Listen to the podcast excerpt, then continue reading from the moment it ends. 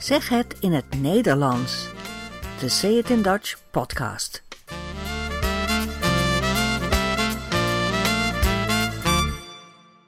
Nummer 39.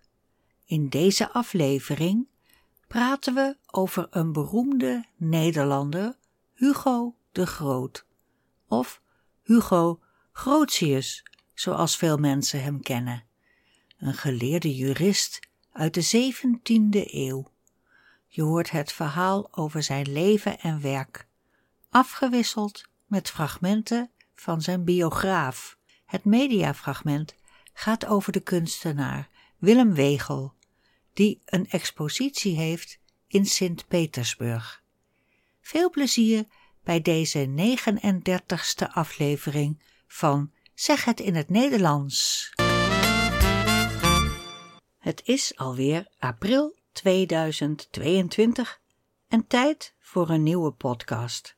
Wat vliegt de tijd? Tempus fugit in het Latijn. Dat is een klassieke uitspraak van Vergilius. Tempus fugit was ook de lijfspreuk, het motto, van iemand waarover ik vandaag met jullie ga spreken. Een Nederlands rechtsgeleerde in de 17e eeuw. Een man uit Holland, een beroemde Nederlander, die we vooral kennen als de man van de boekenkist. Maar er zijn ook andere dingen over hem te vertellen. Hij leefde 400 jaar geleden. Zijn naam is Hugo de Groot. Een heel gewone Nederlandse naam, die je ook vandaag nog veel kunt tegenkomen.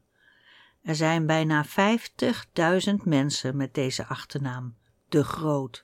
En misschien ken jij ook wel iemand met die naam, want je vindt de de Grootjes over de hele wereld. Ze zijn niet allemaal familie van elkaar hoor. Ik ga het over één speciale meneer de Groot hebben. Voornaam Hugo. In Nederland zijn ongeveer 70 straten en scholen naar hem genoemd. Hugo de Grootstraat, Hugo de Grootplein, Hugo de Grootkade en de Hugo de Grootschool, etc.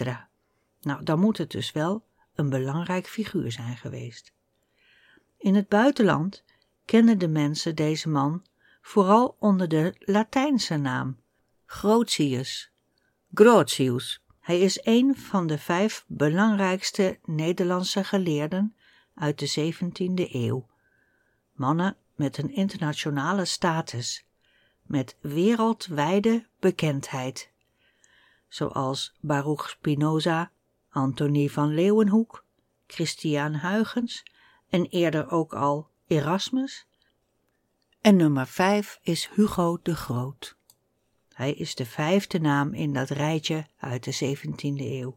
Hij was jurist, rechtsgeleerde en schreef een paar boeken die we nu nog altijd gebruiken, binnen en buiten Nederland, vooral ook buiten Nederland. Zijn boek uit 1609, Mare Liberum, de Vrije Zee, het recht op vrije toegang tot de zee, dat is de basis van het moderne internationaal zeerecht. En het tweede belangrijke boek, de Jure Belli Akpakis, over het recht van oorlog en vrede, dat is de basis van het moderne volkenrecht. Het recht hoe landen met elkaar omgaan.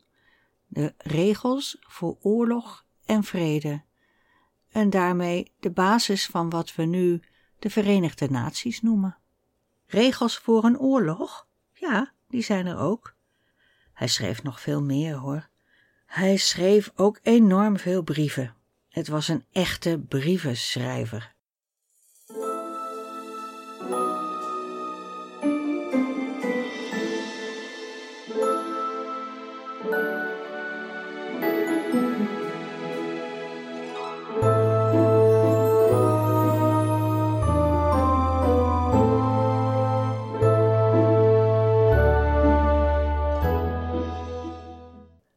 Hugo werd geboren op 10 april 1583 in Delft, in een regentenfamilie.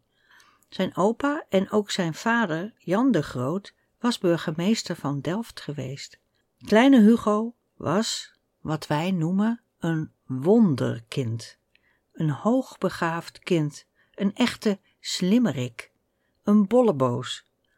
Dat zijn een paar mooie woorden voor iemand, voor een kind met bijzonder hoge intelligentie. Hugo was een bolleboos. Hij was een enorme boekenwurm. Hij las de hele dag. Zijn moeder verstopte soms de kaarsen om te zorgen dat hij niet ook s'nachts zat te studeren. Maar dat hielp niet, want hij kocht zelf op de markt nieuwe kaarsen van zijn zakgeld en ging toch lekker weer s'nachts zitten lezen. Toen hij zes jaar was, mocht hij naar de Latijnse school, het gymnasium, en twee jaar later maakte hij zelf al mooie gedichten in het Latijn over de successen van prins Maurits in de oorlog tegen de Spanjaarden bijvoorbeeld. En hij kon aan de Universiteit van Leiden gaan studeren toen hij nog maar elf jaar oud was. Hij studeerde theologie, klassieke talen, Latijn en Grieks, geschiedenis, filosofie en rechten en misschien nog wel meer. Hij mocht als vijftienjarige jongen een keer mee met een diplomatieke missie van Holland naar Frankrijk, samen met Johan van Oldenbarneveld, de politiek leider van Nederland. Ze gingen naar de Franse koning Hendrik IV, Henri of Henry, die noemen wij Hendrik in het Nederlands, dus Hendrik IV. En toen Hugo aan hem werd voorgesteld, zei de koning: Ah, het wonder van Holland. Hij had dus al van Hugo gehoord en was nieuwsgierig naar hem geworden.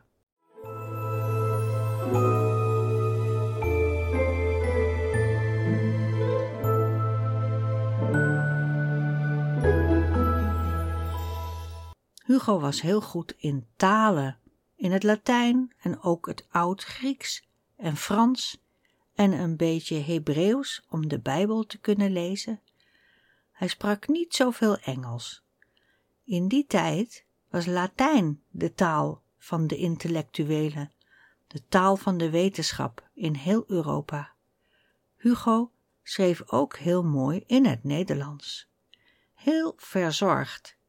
Zijn biograaf zegt dit. Hij sprak uh, natuurlijk zijn moedertaal, Nederlands. En dat Nederlands is trouwens prachtig. Als ik kijk naar bijvoorbeeld een, een pamflet wat hij geschreven heeft, De Verantwoording. Ja, daar lees ik zelf, en dat is echt geen beroepsdeformatie... maar daar lees ik zelf nu nog met plezier. En die man die had gewoon een heel fijn gevoel voor taal. Maar, maar wat poëzie. meer is, hij verzorgde de taal ja? ook. Poëzie? Poëzie schreef hij. Maar hij was ook een, een heel uh, venijnig pamfletist. Hij kon echt met die taal werken. Mm. En hij had ook het besef dat je in die tijd... kon je mensen alleen bereiken via de taal. Ja, hij kon ook heel venijnig schrijven. En venijn, dat is een ander woord voor gif. Dus hij kon ook heel giftig schrijven in pamfletten waar hij zich boos maakte over dingen.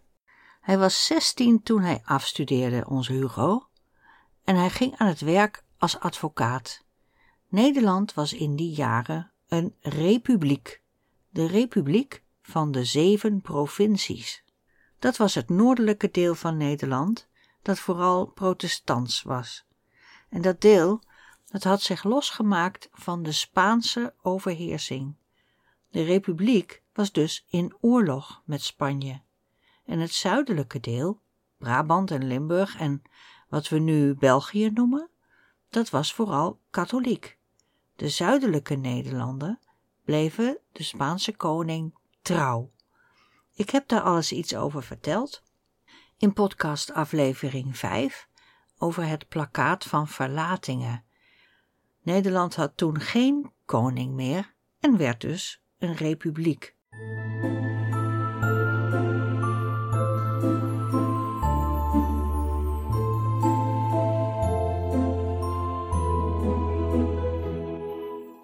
Hugo de Groot was heel enthousiast over de republiek en hij schreef er veel over. over de rechten en plichten van de provincies en over de relatie tussen de godsdienst en de staat. Hij kreeg veel opdrachten vanuit de politiek en hij werkte regelmatig voor Van Oldenbarneveld, de politiek leider, en ook deed hij opdrachten voor prins Maurits, een edelman, de zoon van Willem van Oranje, stadhouder en militair leider van de republiek. Hij werkte dus op hoog niveau. Hij verdiende genoeg om te kunnen trouwen en een gezin te stichten. Hij trouwde met Maria van Rijgersberg en ze gingen in Den Haag wonen. Daar schrijft hij het boek Mare Liberum, de vrije zee. Iedereen mag varen op de zee, zegt hij, om te gaan handelen of andere volkeren te ontmoeten bijvoorbeeld. De zee is niet van iemand, niet van Portugal, niet van Spanje en niet van Holland. En dit idee van de vrije zee gebruiken we vandaag de dag nog steeds over de hele wereld, het internationaal zeerecht.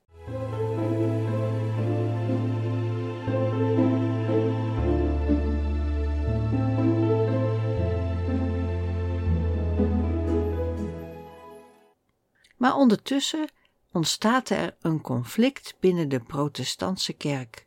Een ernstig conflict dat de republiek bijna in tweeën splijt. Er waren namelijk twee stromingen in de theologie die elkaar bestreden, twee kampen die recht tegenover elkaar stonden: de rekkelijken en de preciezen. De preciezen waren heel precies, heel streng.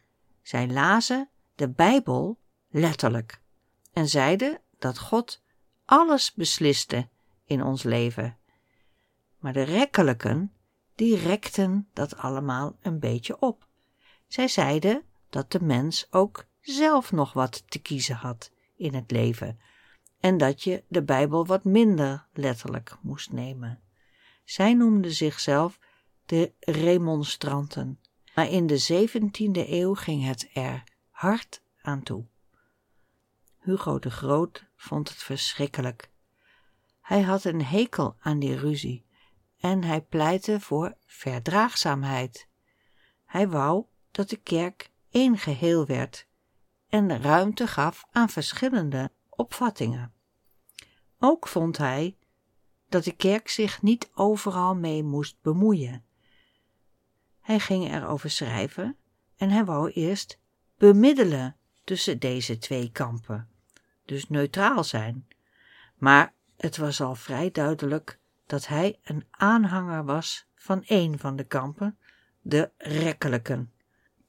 De kerk had toen in het dagelijks leven en in de politiek erg veel macht. En daarom werd dit een strijd op het hoogste niveau. De politiek leider van Oldenbarneveld was een rekkelijke en de militaire leider, prins Maurits, was een precieze. En zo kwamen deze twee machtige mannen recht tegenover elkaar te staan. Ik moet dit allemaal vertellen omdat dit enorme gevolgen had voor Hugo de Groot. Want prins Maurits, de militair leider, laat in het jaar 1618 zijn tegenstanders gewoon arresteren. Bam! Opsluiten. Van Oldenbarneveld en Hugo de Groot en nog een derde adviseur worden opgesloten in het binnenhof, elk op een eigen kamer, geen frisse lucht.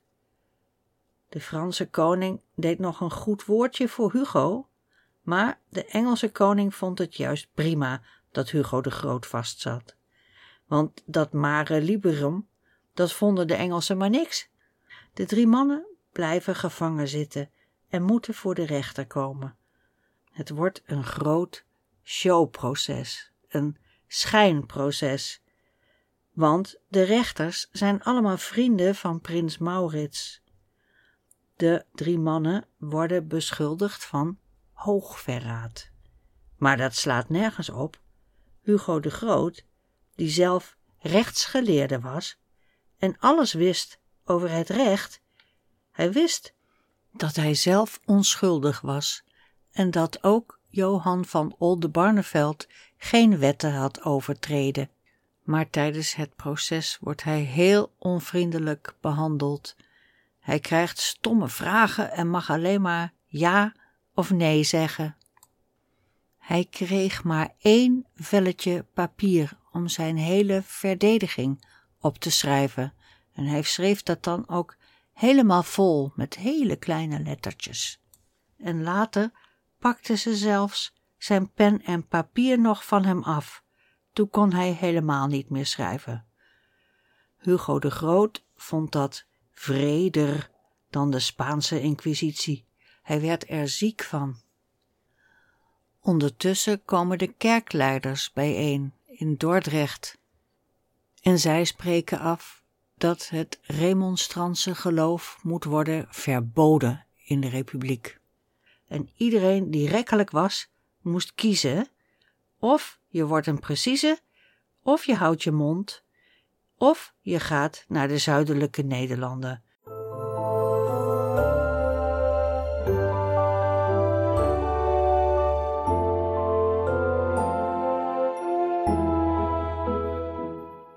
In mei 1619 wordt Van Oldenbarneveld ter dood veroordeeld. Hij wordt in het openbaar onthoofd op het Binnenhof. En Hugo de Groot krijgt levenslange gevangenisstraf. Hij moet de rest van zijn leven achter de tralies zitten. Ze besluiten om hem op te sluiten in slot Loevestein, een oud kasteel dat helemaal omgeven is met water. Het ligt tussen twee rivieren in, bij Gorkum. Het kan goed bewaakt worden. Slot Loevestein bestaat nog steeds. Het is lange tijd gebruikt door militairen, omdat het mooi op een strategische plek ligt, maar nu is het een museum. Ik ben er kort geleden nog geweest. Hugo werd opgesloten. Zijn vrouw Maria en haar dienstmeisje Elsje mochten op het slot wonen en een paar keer per dag bij Hugo zijn. Ze konden af en toe weg uit het kasteel, maar Hugo kon dat niet. Het slot is koud en vochtig en donker, ook nu nog. Toen ik er was en in de kamer van Hugo de Groot stond, kon ik de wind horen fluiten om de torens.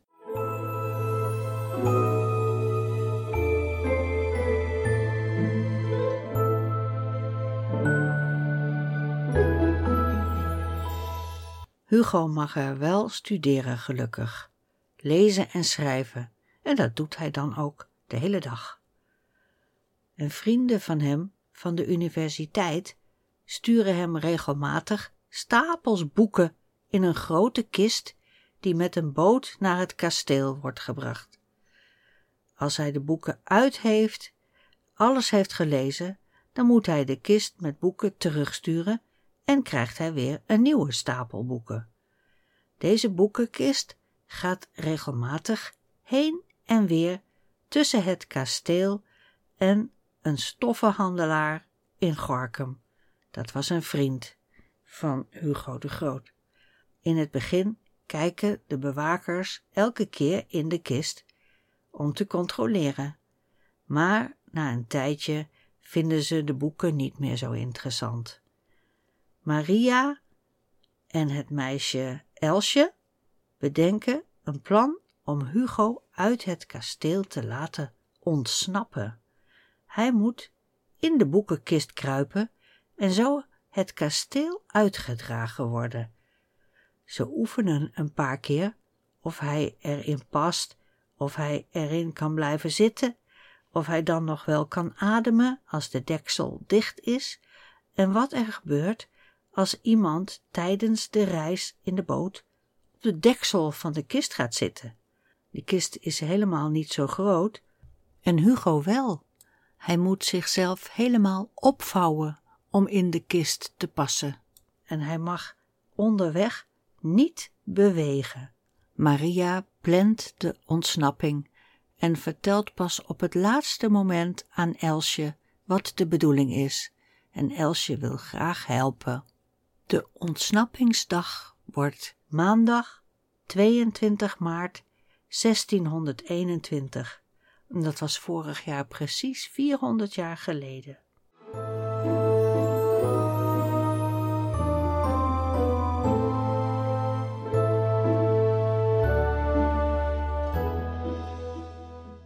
Het is een drukke dag van de jaarmarkt in Gorkum. Hugo neemt afscheid van Maria en hij stapt om acht uur s morgens in zijn ondergoed en sokken in de kist. Hij vouwt zichzelf op. De kist gaat op slot en twee soldaten moeten de kist naar beneden brengen, naar de boot. Elsje, het dienstmeisje, gaat met de soldaten en de kist mee, om te zorgen dat hij veilig aankomt bij het huis van de stoffenhandelaar in Gorkum. Maria blijft in het kasteel en zet de schoenen en de kleren van Hugo bij het bed en ze gaat in bed liggen alsof Hugo en zij nog een beetje verder slapen. De bewakers merken dus niets. Om elf uur, dus twee uur later, stapt Hugo uit de kist de stoffenhandelaar. Hugo is inmiddels in de hele republiek een bekende persoonlijkheid, dus hij moet zich goed vermommen. Hij krijgt kleren van een metselaar en samen met een andere metselaar gaat hij de rivier over en dan met een kar op pad naar Waalwijk. Daar zijn veel rekkelijken naartoe gevlucht, want Waalwijk hoorde toen nog niet bij de Republiek.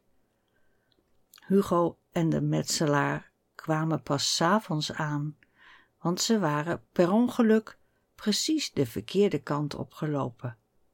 Vanuit Waalwijk gaat Hugo de Groot dan verder naar Antwerpen en daarna naar Parijs in Frankrijk en daar gaat hij wonen. Zijn ontsnapping wordt snel bekend, want s'avonds brandden er opeens geen kaarsen meer in de kamer op slot Loevestein. Maria was dat vergeten te doen. Zo werd binnen één dag ontdekt dat Hugo gevlucht was. Het vogeltje is gevlogen, zei Maria, maar hij was de grens al over voordat ze hem konden pakken. Prins Maurits is woedend dat Hugo is ontsnapt, maar hij laat Maria en Elsje toch na een paar weken uit Loevestein vertrekken. En zij gaan ook naar Parijs.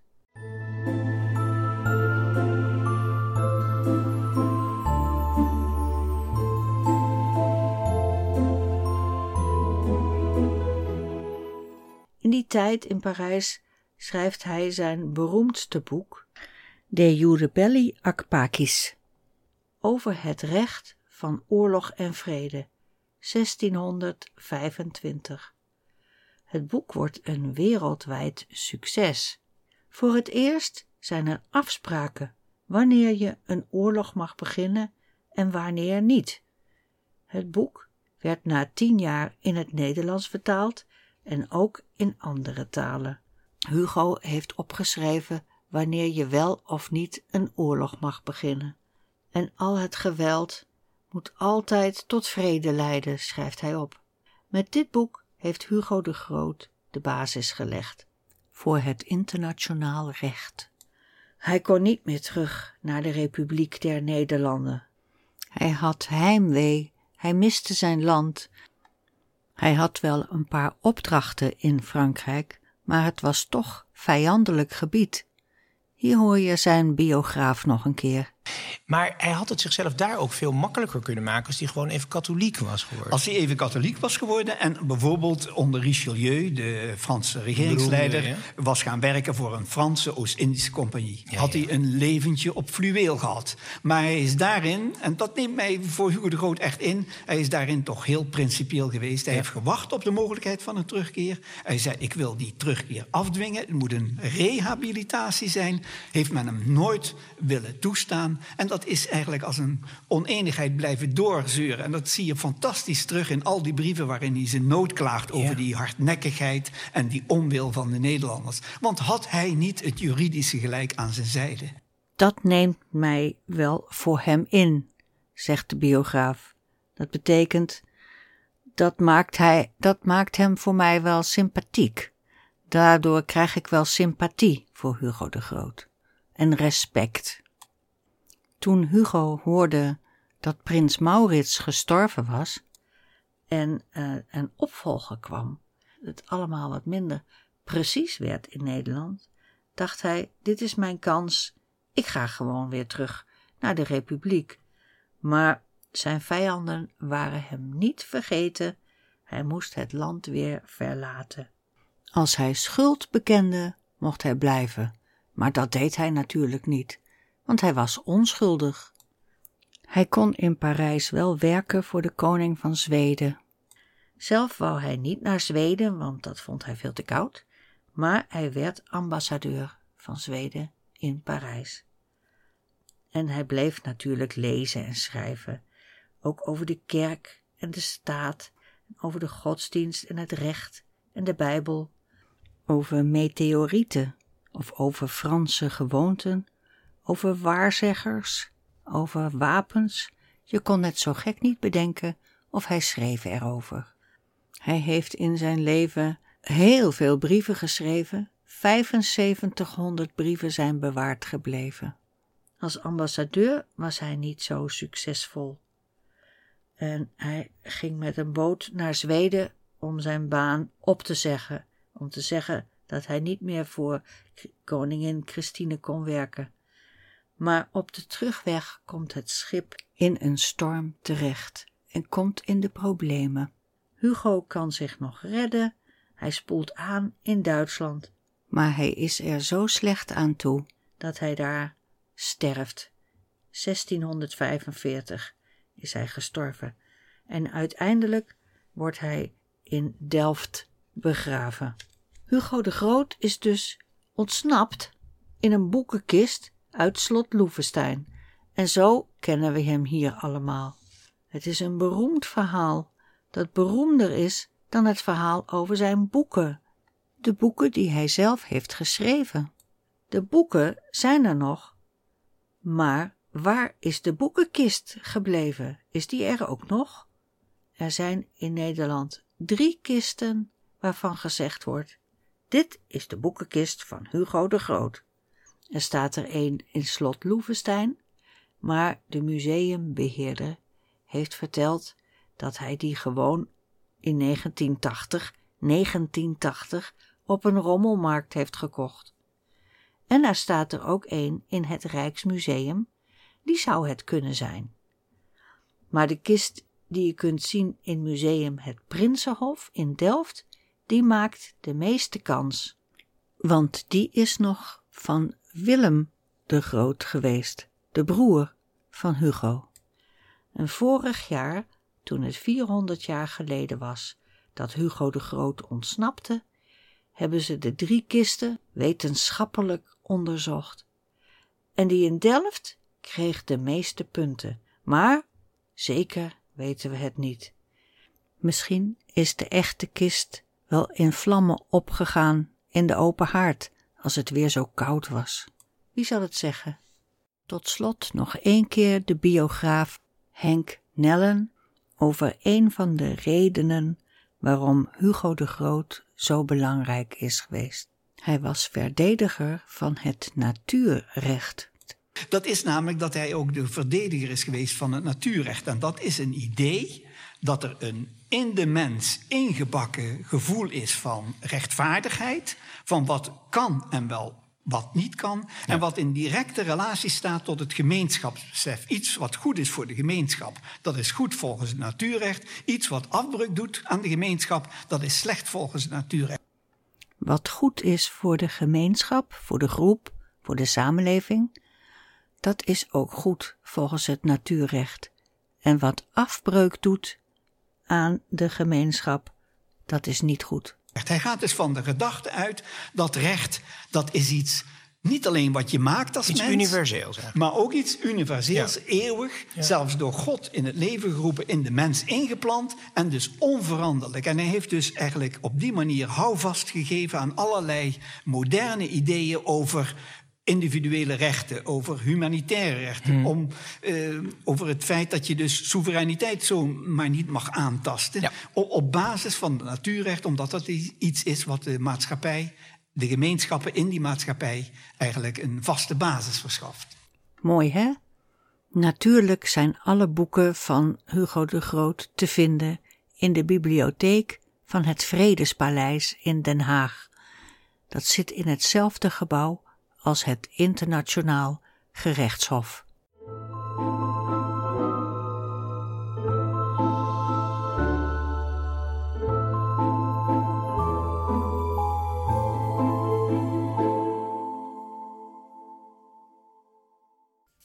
Kunt u dat herhalen? Kunt u dat herhalen? In deze rubriek hoor je een fragment van een gesprek dat op de radio of de televisie is geweest. Ik geef hier en daar een toelichting. Het mediafragment is deze keer een radio-interview met de Nederlandse kunstenaar Willem van Wegel. Hij maakt grote, bewegende objecten.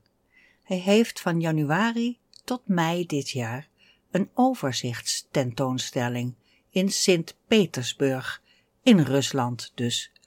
Een expositie van zijn levenswerk. Maar nu maakt hij zich zorgen of zijn kunst wel weer terug naar Nederland kan komen, nu er allerlei sancties zijn tegen Rusland. Je hoort eerst de interviewer Jurgen van den Berg. Ze praten via de telefoon. Willem van Wegel die werkte twee jaar lang dag en nacht aan een tentoonstelling van zijn levenswerk in Sint-Petersburg in Rusland. Maar nu is het vooral spannend of zijn levensgrote objecten wel veilig terug kunnen komen naar Nederland. Meneer van Wegel, goedemiddag. Ja. Goedemiddag. U bent En gewoon het is Willem hoor, Jurgen. Oh, dan, dan zeggen we gewoon Willem. Eh, ik vind het goed. Ja, Zij- u- u- eh, je bent niet in, in Rusland nu voor de goede orde, maar in Nederland. Eh, maar tot Ja. eind januari daar wel geweest. Hoe ging dat dan precies? Jurgen zegt, meneer Van Wegel tegen de kunstenaar. En de kunstenaar zegt, het is gewoon Willem hoor, Jurgen. Dit is typisch een manier om iemand uit te nodigen, niet meer u te zeggen, maar gewoon jij. Ik heet Willem hoor, zeg maar Willem. Het is gewoon Willem. Jurgen vindt het goed en schakelt over op je en jij. Willem vertelt over Rusland. Ja, zeker. Ik ben daar eh, half januari naartoe gegaan. Omdat het een eh, grote tentoonstelling is, zoals je al zei. Dus eh, we zijn daar ongeveer tien dagen met de hele ploeg van het museum. Dat zijn een man of vijftien. Zijn we druk geweest om eh, alles op te bouwen. Hij is tien dagen bezig geweest met de opbouw. Met de hele ploeg van het museum. Dat zijn een man of vijftien. Dat betekent dat er ongeveer vijftien mensen van het museum bezig waren. De hele ploeg, de hele groep van het museum. Nou, toen was eh, de 21 januari was de opening. En toen ben ik daarna, omdat het eh, kinetische objecten zijn, alle objecten bewegen, dus er zit ook heel veel niet zichtbare overigens eh, techniek in. Eh, daarna ben ik nog een weekje gebleven om te zorgen dat alles goed blijft functioneren. Ja. En eind januari ben ik toen eh, weer teruggegaan. Omdat het kinetische objecten zijn.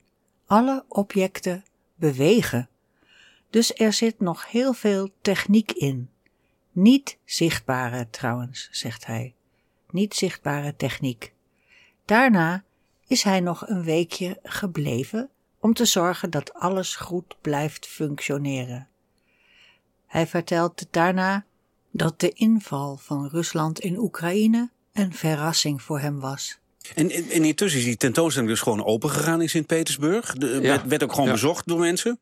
Ja, het heel goed bezocht, ja. Hoe, hoe merkte je dat dan? Wat ook, Nou, ik ben daar natuurlijk die eerste week uh, uh, na de opening zelf geweest. Dan was ik iedere dag aanwezig daar. Zoals ik al zei, om te kijken of alles uh, goed blijft gaan. En wat heel leuk was ook om te zien daar, was dat er een heel jong publiek is. Dus het museum is daar in staat om, om echt een groep aan te boren. die we ja, hier in Nederland maar heel mondjesmaat de musea in krijgen. De tentoonstelling werd goed bezocht. Hoe merkte je dat? vraagt Jurgen. Nou, de eerste week was ik iedere dag aanwezig daar. Het valt Willem op hoe jong de bezoekers zijn. Heel leuk, zegt hij. Het museum is daar in staat om echt een groep aan te boren. Aanboren, dat is normaal een woord dat je gebruikt voor een olieveld of zo. Maar hij gebruikt het hier voor een groep mensen die wij in Nederland maar heel mondjesmaat de musea inkrijgen. Heel mondjesmaat, dat is een typische uitdrukking voor heel weinig, heel klein, niet genoeg. Kleine hapjes, mondjesmaat, zeg maar. Willem geeft nu een beeld van hoe het in Nederland meestal gaat. Als je hier in het museum kijkt op zondagmiddag, dan zie je toch veel kale kopjes, zoals ik zelf ook heb, en grijze haren. En het is heel moeilijk om de jeugd naar binnen te krijgen. Maar juist daar is een heel jong publiek, heel leuk. Veel kale kopjes, dus hoofden zonder haar. Of grijze haren. Dus in het Nederlands Museum komen meestal alleen oudere mensen terwijl de musea in Nederland erg hun best doen om de jeugd, om jonge mensen naar binnen te krijgen. Hierna vertelt hij iets over een van de objecten op de tentoonstelling. Een drieluik, heel groot en zwaar. Dat drieluik is uh, 7 meter breed en een 2,5 meter hoog. En een ja, het is een werk wat uh, uit allemaal lijnen bestaat en die veranderen steeds van vorm, zeg maar. Dus er zijn steeds nieuwe figuren en structuren te zien. Dat wordt allemaal computergestuurd en er zitten allemaal motoren in, maar daar zie je niks van. Je ziet alleen heel langzaam die structuren veranderen. Maar het zijn uh, vaak heel zware dingen, ja. ja. Een werk wat uit allemaal lijnen bestaat en die veranderen steeds van vorm, zeg maar. Dat wordt allemaal computergestuurd. Er zitten allemaal motoren in, maar daar zie je niets van. Die zijn onzichtbaar. Je ziet alleen heel langzaam die structuren veranderen. We gaan naar een later deel van het gesprek. De oorlog in Oekraïne brak uit en Willem wou de tentoonstelling in Rusland niet meer voortzetten. Hij wou ermee stoppen, alles opruimen en naar Nederland laten terugsturen. Even bellen en vragen of ze het terug willen sturen in een paar dozen? vraagt Jurgen. Ja, zoiets ja. Nou, die dozen, dat, uh, dat moet je wel voorstellen, Jurgen. Het is een hele truck vol, een hele grote oplegger vol kisten. Hè? Ja, dat snap ik. Ja. Ze, waren, ze waren op zich wel, wel willend hoor. Maar het probleem was dat uh, ze zeiden ook van ja, we, we, kunnen het nu stoppen. Een hele truck vol. Een oplegger vol kisten, vertelt Willem. Ze, dat zijn de mensen in het Erarta Museum in Sint-Petersburg, waren op zich wel welwillend hoor. Zij wilden best helpen, betekent dat. Maar ja, zij zagen eigenlijk zeer grote problemen bij het uh, de grens overkrijgen van die, van die lading. Toen heeft Willem besloten alles tot de einddatum 15 mei in het museum te laten hangen en dan maar hopen en bidden, zegt hij, dat het ooit weer kan terugkomen naar Nederland. Er hangt van um, ja, meer dan 15 jaar werk. En wat ook uh, ja, dat klinkt een beetje gek, maar waar ik nog het meeste aan gehecht ben van al het werk, is een object uit 1982. Dus dat is nog voordat mijn eerste dochter geboren werd, meer dan 40 jaar oud. En dat is eigenlijk het eerste bewegende object wat ik uh, heb gemaakt tijdens mijn studie op de academie. Ja, en die, die, dat is de enige die nog bewaard is gebleven. En die hangt daar nu ook. Ja, dat zou ik echt heel erg vinden als ik die niet terugkrijg. Meer dan 15 jaar werk. Waar ik nog het meest aan gehecht ben van al het werk is een object uit 1982. Dat is nog voordat mijn eerste dochter geboren werd. Het eerste bewegende object wat ik heb gemaakt. Die hangt daar nu ook. En ja, dat zou ik echt heel erg vinden als ik die niet terugkrijg. Willem maakt zich er wel zorgen over en hoopt op een goede afloop. Maar hij zegt dan: Mijn moeder zei altijd: Het zijn maar spullen. Het staat in geen enkele verhouding tot het leed van de mensen daar. Maar het is voor mij een persoonlijk dramaatje. Een persoonlijk drama. Tot zover het mediafragment. We zijn aan het einde gekomen van deze aflevering. Hartelijk bedankt voor het luisteren. Lees meer, doneer, reageer en abonneer je op www.dutchidiom.com. Tot ziens!